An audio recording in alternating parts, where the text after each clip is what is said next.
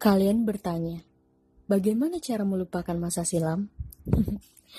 Kamu sudah mencoba membaca berbagai buku, bertanya sana-sini, bahkan kamu berharap agar sejenak hilang ingatan, biar lupakan kenangan bersamanya.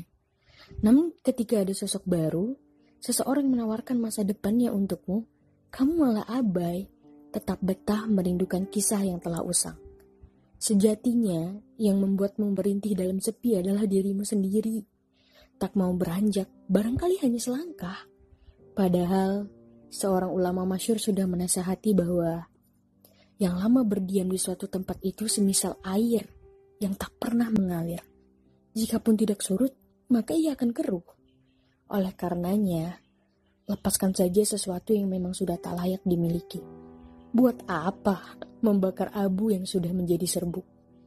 Biarkan semuanya berlalu, agar jiwamu lebih damai, agar batinmu lebih tenang, agar ketika ruang hati sudah kosong dari penghuni lama, ada cinta baru yang berkenan masuk untuk kemudian tinggal selamanya. Dan lagi, tidak ada yang namanya pengorbanan sebelum pernikahan. Tidak ada. Sekuat apa pun perasaanmu pada seseorang, pastikan yang keutamakan adalah kebaikan dirimu dulu.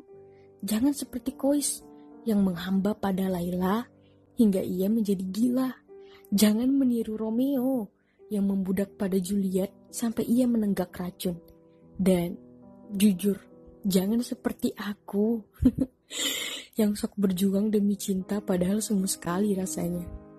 Ya, sungguh, jangan nasib kalian sepertiku ini, yang sok pahlawan untuk hati yang jelas-jelas tak menyukaiku. Yang sok... Pada akhirnya ya, seperti inilah, bukan kebahagiaan sejati yang aku dapat, melainkan luka demi luka yang tersayat. Jadi, pentingkan dirimu dulu.